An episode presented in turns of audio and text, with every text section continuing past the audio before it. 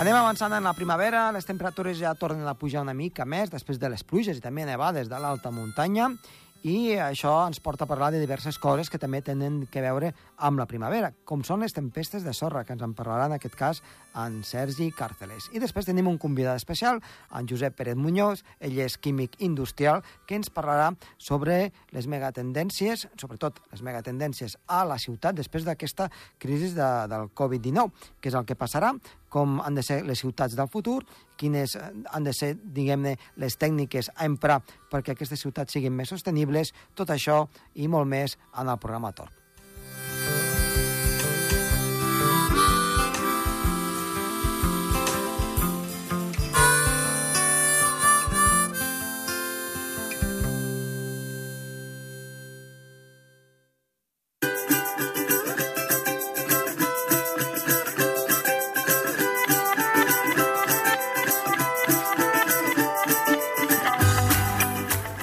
Iniciem el programa i parlem amb Sergi Càrceles. Sergi, bona tarda.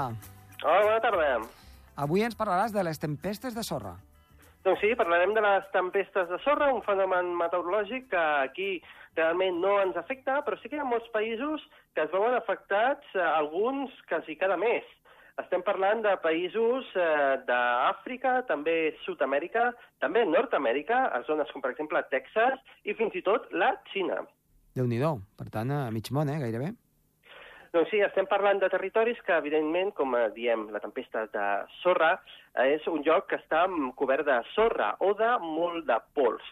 Sobretot a zones eh, pròximes del Sàhara i deserts àrids i semiàrids, són zones on eh, molts cops amb ciclons, és a dir, amb depressions i amb tempestes, el que fan és que totes aquestes partícules de pols, que realment pesen molt poc, amb un increment del vent i també amb pressions atmosfèriques baixes, ajuda que tot aquest pols doncs, es desplaci cap a pas altes de la troposfera. Això crea una gran columna de sorra que es desplaça a centenars i fins i tot milers de quilòmetres i bé, doncs, eh, diríem que escombren eh, tot, el que, tot el que es troben en el seu uh -huh. pas evidentment el que fan és cobrir-ho tot de sorra i estem parlant d'unes partícules de pols molt fines que la gent que hagi anat a la platja i hagi tingut un dia amb bastant de vent, segurament recordaran que, encara que estem parlant de granets molt fins a sorra, realment fan mal, eh? punxen molt, eh, són molt afilades i l'ésser humà doncs, realment les pateix. Eh? Si, si les patim de, de cara o, les, o, o no estem ben protegits, no? Els ulls, sobretot, eh, no? Clar. Sí, sí, sí, és bastant dolorós. També és una de les raons per les quals eh, les tribus i les civilitzacions que viuen en el desert van tan tapats. És una cosa que pot semblar eh, contraproduent, no? perquè al anar tan tapats, un lloc amb tanta calor, doncs encara tindran més calor, no? Però realment és molt necessari perquè són zones on el pols es mou a grans distàncies i també en grans quantitats, i si no anessin tan protegits, segurament els hi faria bastant de mal aquestes partícules de pols. Uh -huh. eh, quines causes té eh, eh, en el planeta Terra, aquestes tempestes de, de sorra.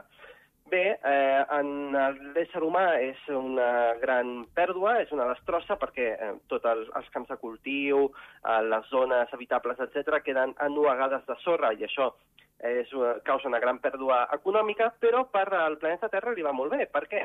Perquè el que fa és basificar el, el sol. Uh, la pluja que nosaltres tenim a la majoria de les regions del planeta no és una pluja neutra, és una mica pluja àcida. És a dir, aquesta pluja el que fa és acidificar el terra. Però el que fa aquesta sorra, una de les coses que fa és més neutralitzar uh, aquest sol que queda acidificat per aquestes pluges.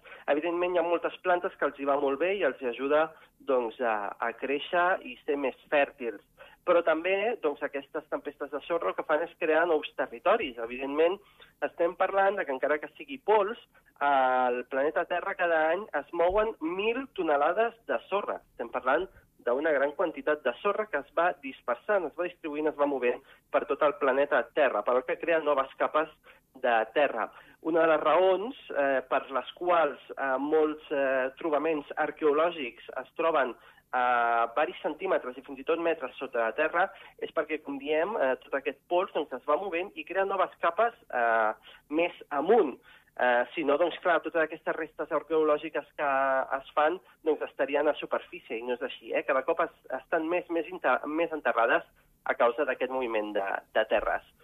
I, com diem, eh, doncs, eh, també eh, han hagut algunes, eh, algunes catàstrofes naturals amb molts de morts doncs, a causa d'aquestes tempestes de sorra, sobretot a l'Àfrica eh, central, també a l'Àfrica del nord, encara que aquelles zones ja estan més acostumades. Però també eh, aquestes tempestes de sorra es poden moure per eh, capes altes de la troposfera, es poden desplaçar a països més al nord i llavors ja tindríem un altre fenomen meteorològic que ho parlaríem un altre dia, però estem parlant de la pluja de fang, que això sí que ens afecta algun cop i, eh, bé, doncs causa, entre altres coses aquí, doncs que tota la nostra roba, també els cotxes, etc quedin coberts com de fang. Doncs molt bé, Sergi, queda molt ben explicat i t'esperem la setmana vinent. Molt bé, que vagi bé. Adéu-siau.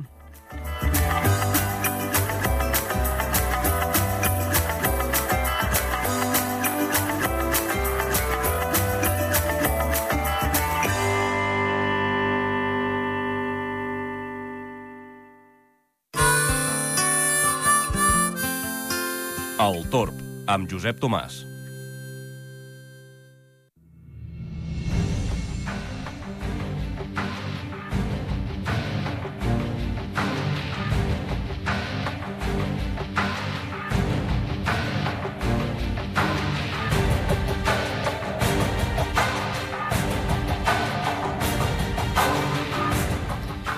Avui en l'entrevista recuperem a un antic company, amic eh, de l'escola, però que ell és, eh, mm, és químic, és eh, enginyer químic i que és, a més a més, membre actiu eh, d'events professionals en cerca de noves tendències i desafiaments, com per exemple ara la indústria química considerada servei essencial eh, que en aquests temps doncs, de crisi no ha parat per evitar entre d'altres coses, la crisi sanitària. I del que avui ens vol parlar és d'una cosa que crec que és molt, molt interessant per aquí, pel nostre país. És de les megatendències globals, una d'aquelles cinc megatendències globals, que són les ciutats, i com a exemple també ficarem en aquest cas cap on pot anar Andorra la Vella. Per tot això ens en parlarà en Josep Pérez Muñoz. Josep, bona tarda. Hola, bona tarda, què tal, com esteu? Doncs bé, eh, molt, eh, molt contents de que estiguis de nou aquí amb nosaltres i que ens parlis d'una d'aquestes megatendències, les ciutats, després doncs, d'aquesta aquest, eh, sacsejada que hi ha hagut a nivell global, cap on poden anar, i també una mica doncs, fer una pinzellada d'aquí d'Andorra la Vella. Eh, per on comencem? Sí, si et sembla, doncs, fem un, un petit repàs del que els experts en tecnologia i amb iniciatives liderades per Nacions Unides i per les empreses tant públiques com privades havien identificat com les cinc tendències a les quals el món ens està portant. I, òbviament, els darrers esdeveniments amb aquesta crisi de pandèmia doncs, han, han, han, han fet inclús més important o han aguditzat el paper que poden treure en el futur. De fet, s'han identificat cinc, si vols les nomeno breument. Sí, Una tant. és la, la, la, la ràpida urbanització, és a dir, el paper que tenen les ciutats a la, a la societat eh, mundial. El segon, la, la segona megatendència seria el canvi climàtic. La tercera seria el canvi en els poders econòmics eh, i les relacions internacionals. L'altra, el canvi demogràfic i social. I, finalment, la disrupció de la tecnologia, eh, la- la IT, no? la, la Information Technology. D'acord? Uh, avui havia pensat de, uh, efectivament, fer referència al paper de ciutats i, bueno, un dels nostres oients ens podia plantejar, bueno, com volem viure, com vull viure jo a nivell privat? Volem, M'interessa viure a les ciutats o no? Un senyor que visqui a Andorra la Vella, per exemple, uh, es pot plantejar tant com anar a viure uh, a una Barcelona o un París, o, per altra banda, anar a viure a, en camp, que suposo que és una mica més petit. Uh -huh. Um, bueno, aquestes coses són uh, qüestions que es plantegen als experts. En concret, hi ha una iniciativa de Nacions Unides, que és la Conferència sobre l'Habitatge i el Desenvolupament Sostenible, i també, òbviament, hi ha un interès econòmic molt important darrere. És a dir, eh, el, el, el que està fent el disseny de la nova ciutat implica un gast anual de, de 800.000 milions de dòlars a l'any per Mhm. tal de fer les ciutats més eficaces, més habitables i més còmodes, no? Llavors, si et sembla, eh, faré una mica el, el paper de les ciutats a grans trets, avantatges i desavantatges. Sí. Què ha passat en el passat perquè el disseny que tenim ara doncs, sigui el que és? I com ens plantejaven ja, eh, com serien en el futur, i amb això que ha passat ara encara hi ha alguns aspectes que s'han reforçat molt. Molt bé. Uh, a la indústria química tenim un paper, uh, i això ho parlo de primera mà, doncs, com tu ben has comentat, és, l'únic, és de les poques indústries considerades essencials per la Unió Europea, que no poden parar, Uh -huh. perquè els productes s'utilitzen per desinfecció, per tot el tractament d'aigües, per exemple, eh, hi ha una sèrie d'ingredients que ara que la gent està més temps a casa ja funcionen amb més ritme, amb molta més càrrega, totes aquestes aigües residuals, i això s'ha de, s'ha de gestionar bé. I tenim exemples recents en la història que han perfilat el, el futur, el disseny de països, de ciutats com Nova York, París i Londres, precisament per això, el sistema de tractament d'aigües residuals. Bueno, anem a començar. Per posar-nos una mica en context, eh, només et vull veure que hi ha ciutats al món, per exemple, eh, que tenen una densitat de població molt elevada, i et posaré uns exemples per posar-nos en, en context. A Bangladesh, la capital, que és Dhaka, ja viuen 40.000 persones per quilòmetre quadrat. És la més gran del món. També la, la densitat més gran. A Mumbai, 30.000. Manhattan, la part de Nova York de Manhattan, 27.000 Uh -huh. persones per quilòmetre quadrat. Londres, 6.000. París, 4.000. I Andorra, el total del país, perquè no tinc la dada d'Andorra la Vella, 160. Sí. O sigui, esteu bastant més amplets Uh -huh. en aquí. I això, doncs, eh, bueno, juga un paper en com, quins avantatges pot tenir, doncs, estar viure en una ciutat. Tenim en compte que cada setmana hi ha un milió i mig de persones que es van a viure a les ciutats. Òbviament, això té uns, uns caràcters positius. Diguéssim que el, el, el, el producte interior brut que generen les ciutats és pràcticament el, el 85%. El producte interior brut és un valor monetari que expressa doncs, el valor en producció i béns de servei que, que demana un país o una regió durant un període determinat. No? Llavors, eh, en una ciutat que pots, doncs, pots aconseguir més coses perquè pots ser més productiu, tens eh, unes estructures econòmiques, s'atreu talent, s'atreu coneixement... Eh, per exemple, a, a Xina eh, hi ha 500 milions de persones que han anat a la ciutat en els darrers 30 anys i han sortit de la pobresa. Per què? Perquè es creien jo, eh, feines, augmenta la productivitat, etc etc. no?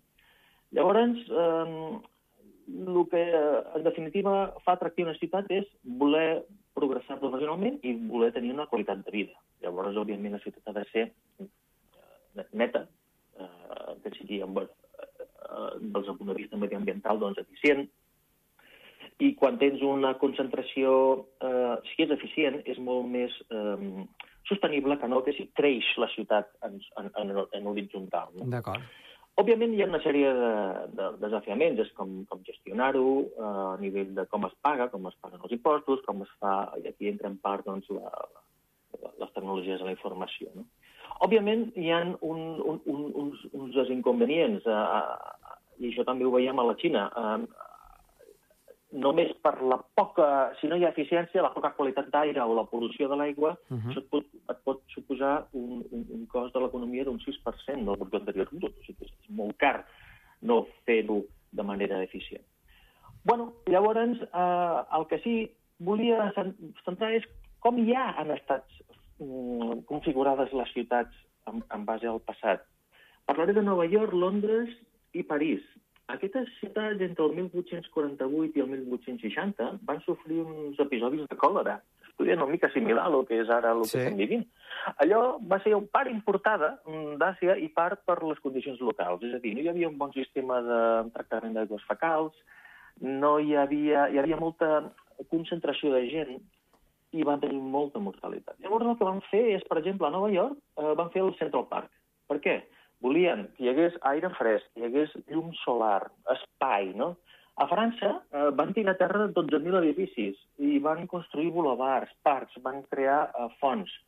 De manera que, en aquesta època de meitat del segle XIX, va ser que París es va començar a anomenar la ciutat de la llum. Sí. A Londres, eh, casos similars, no? Uh -huh. Llavors, clar, ara, mm, què passa? Eh, quan hi ha una malaltia d'aquest tipus, i el que passa ara, el, el fet de tenir eh, ciutats molt densament habitades les fa més vulnerables a que es puguin transmetre doncs, malalties. No? I llavors hi ha una sèrie d'iniciatives que m'han semblat molt interessants i que venen a una mica aguditzar la importància que ja s'havia previst aquesta mega tendència. Per exemple, a nivell privat, hi ha un estudi d'Àustria que està eh, parlant de la, eh, del nou concepte de casa. Una casa compartimentada, de manera que ara que la gent fa més teletreball, inclús ha de conviure doncs, amb les seves famílies, ha de cuinar més, ha d'estar més, eh, en definitiva, va, sota aquestes quatre parets, doncs ho compartimenta amb parets movibles, allò ho podeu imaginar, de, no, de, no de totxo, sinó més aviat de, De de pla dur, com sigui, Mhm. i unes àrees determinades per cada funció. Sí. Però no només això, a nivell de ciutat, l'alcaldessa de París, Ana Hidalgo, ha, va- fa temps que venia treballant i ara ho segur que té més recursos sobre la ciutat dels 15 minuts. És a dir, has de dissenyar una ciutat que les teves necessitats estiguin a distància de caminar. Tant al supermercat, com al metge, com eh, si vols anar a una església, com si vols anar a fer esport. Per tant, les, les, la, diguem-ne, els barris dormitoris eh, s'haurien d'acabar, no? Sí, això és la, el, el, el, el perjudicat que, que podrà uh, venir-se a veure, perquè la concentració en els grans centres comercials, els molts famosos uh Mhm. -huh. dels Estats Units, que agafes el cotxe i te'n vas allà a comprar, a veure cine, menjar palomites i comprar roba i el, i la, i el cistell de, de la compra, no? Sí.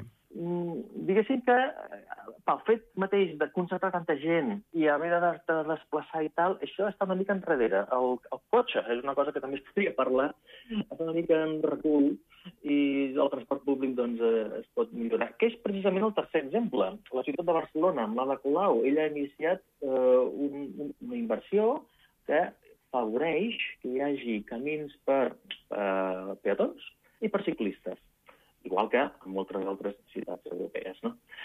En definitiva, um, tot això està en preparació, hi ha molts diners, repeteixo, 800.000 milions de dòlars cada any s'inverteix, mm, i llavors això, doncs, jo que participo en diferents events i practico solucions, per exemple, per millorar l'aïllament tèrmic, perquè les ciutats doncs, consumeixen molta energia per calefacció, per aire condicionat, si no està ben dissenyat, necessita els, els, els materials adequats, el tractament químic de les aigües fecals, etc etc. doncs hi ha un interès per millorar, en definitiva, la qualitat de vida. Anem avançant, amb prova i error, tenim clar on podem anar, i, bueno, aquest darrer coronavirus eh, ens ha, en molts aspectes, confirmat alguns, eh, algunes de les tendències i potser descartades d'altres. Però, bueno, d'això es tracta, no?, de, com a humanitat anar progressant. Um, pel cas d'Andorra la Vella, um, Andorra la Vella és Cal de Santa Coloma, que seria, diguem-ne, la vall central, on allí doncs, es concentra gran part de la població. Tu parlaves d'aquests 160 habitants a eh, quilòmetre quadrat, repartint Per, entre per tot el país, eh? Per tot el país, clar, la, la, la, no, no sé exactament, eh, tampoc quin és el, ara mateix per quilòmetre quadrat, però diguem-ne, eh, la zona central segurament que puja bastant, bastant més que això. Eh, uh Mhm. -huh. quina, quina solució podria haver-hi en, en aquest cas? Eh, quina seria la tendència que podríem... Home, aquí per- l'orografia, jo, jo com paper, eh? Teniu baixades i pujades importants, depèn del barri, no? Sí, Perquè a- tot i això, que això... des de Sant Julià, aproximadament, eh, fins Sí. a Escaldes, és bastant pla. Potser de, entre Sant Julià i Santa Coloma no tant, però a Sí. partir de Santa Coloma, ja entrant doncs, a les afores d'Andorra la Vella fins a Escaldes, ha una, una pujada progressiva, però no és, mm, no és el turmalet, eh? Vull dir, és, Sí, sí, sí. és, és més aviat pla. Sí, t'ho dic per què? Doncs per parlar del carril bici, no? que és Exacte. una cosa molt important. Mira, jo et parlo en primera persona. Jo tinc doble residència, jo visc a Frankfurt, a Alemanya, i a Tarragona. Uh -huh. I a Frankfurt és molt planer i és molt fàcil, hi ha molts quilòmetres de carretera de, de canal bici. Però a Tarragona, que també n'hi ha, però de tant en tant hi ha una pujada i una baixada molt important. Llavors, aleshores, les bicis elèctriques aquestes que tenen el, mot el motoret, que per algun perfil de persona, doncs, una una mica més avançada, o que no té tanta força, o que no està tan d'allò, doncs li pot anar molt bé. Mm, sí, home, si està pla, eh, ja et dic, el que van definir en el seu moment les ciutats de Nova York, Londres i París, que eren les líders en aquella època, no?, a meitat del segle XIX. Aire fresc, llum, parcs, avingudes amples, i ara si hem de tenir una certa distància social, Mm. tot això eh, doncs s'agrairà molt més, no? Quin és l'únic risc que jo veig? Que aquesta distància social hi ha gent que vulgui agafar el cotxe de nou per no doncs, Clar. agafar un sistema públic de transport. Això és el gran risc. A veure Sí. com es gestiona. Perquè, clar, el dia de pluja, tota la gent no t'anirà amb bici si s'havia decidit anar-hi, no? Uh -huh. I aquí és una cosa que és el que eh, s'ha de- d'acabar de perfilar. Mhm. Um, um, aquí t'he de dir que el servei de bicis elèctriques eh, doncs ja, ja funciona des de fa pràcticament un parell d'anys. Jo en sóc un dels usuaris per anar a la feina. Ara, amb tota aquesta crisi, s'ha hagut de parar perquè era, és bici compartida, i aleshores, uh. -huh. doncs, clar, evidentment, doncs, no, no es podia eh, compartir una bicicleta amb la, amb la situació doncs, que s'estava, i Sí. espero que en, en breu en breu torni a funcionar i, i t'he de dir que és, eh, almenys a nivell personal, eh, és un gran estalvi de temps i, i, i de diners. I de diners perquè, clar, deixes d'agafar el cotxe i busques lloc per aparcar, deixes de pagar un pàrquing, eh, contamines una mica menys i vas més relaxat tant a la feina d'anada com de tornada. I a part, i a part eh, una de les coses de que sí, doncs, eh, ja sé, que segurament en sentirà alguna autoritat, és de fer més carrils bici, fer que doncs, poquet a poquet doncs, hi hagi més carrils bicis a, arreu del país. Em sembla molt interessant això que dius perquè justament això jo ho he notat en primera persona. Des de la meva oficina de Frankfurt porto tota Europa i parlo amb diferents clients de diferents països, amb la qual doncs, hi ha una cosa de un punt de convergència. Aquesta gent que ara està a casa, igual que jo, igual que molta gent treballant, el que més agraeixen és estalviar temps de desplaçament al treball, a la feina, anar i tornar. Mm Mhm. El que es diu el, el commuting time, no? Mhm. Això en alguns casos és quasi més d'una hora, i això és una qualitat de vida poder-ho fer-ho. Llavors, bueno, mm, si s'ha d'anar i es pot anar amb bici, de, de, crec que no hi haurà tant de, de, de, de, de, de tasco, no?, de, de tràfic, Uh -huh. a no ser, bueno, depèn de la distància on hagis d'anar, però sí, és una cosa que la gent agraeix i potser mira més. Doncs, Josep, eh, així ho esperem i t'emplacem a que doncs, tornis d'aquí poquet a explicar-nos alguna cosa més d'aquestes megatendències o de qualsevol altra cosa doncs, que estigui relacionada, com dèiem, amb la indústria química i que afecti, en aquest cas, al, al medi ambient. Gràcies, Josep. Fins la propera. Amb molt de gust, una abraçada.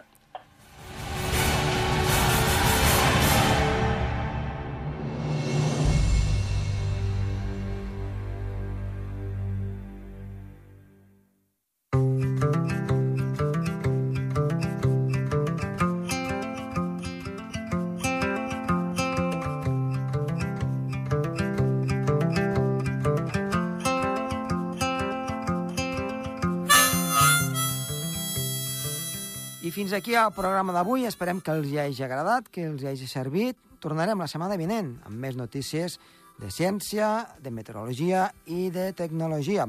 Ha estat a les vies de so, Toni Escur, i qui els ha parlat amb molt de gust, Josep Tomàs. Adéu-siau.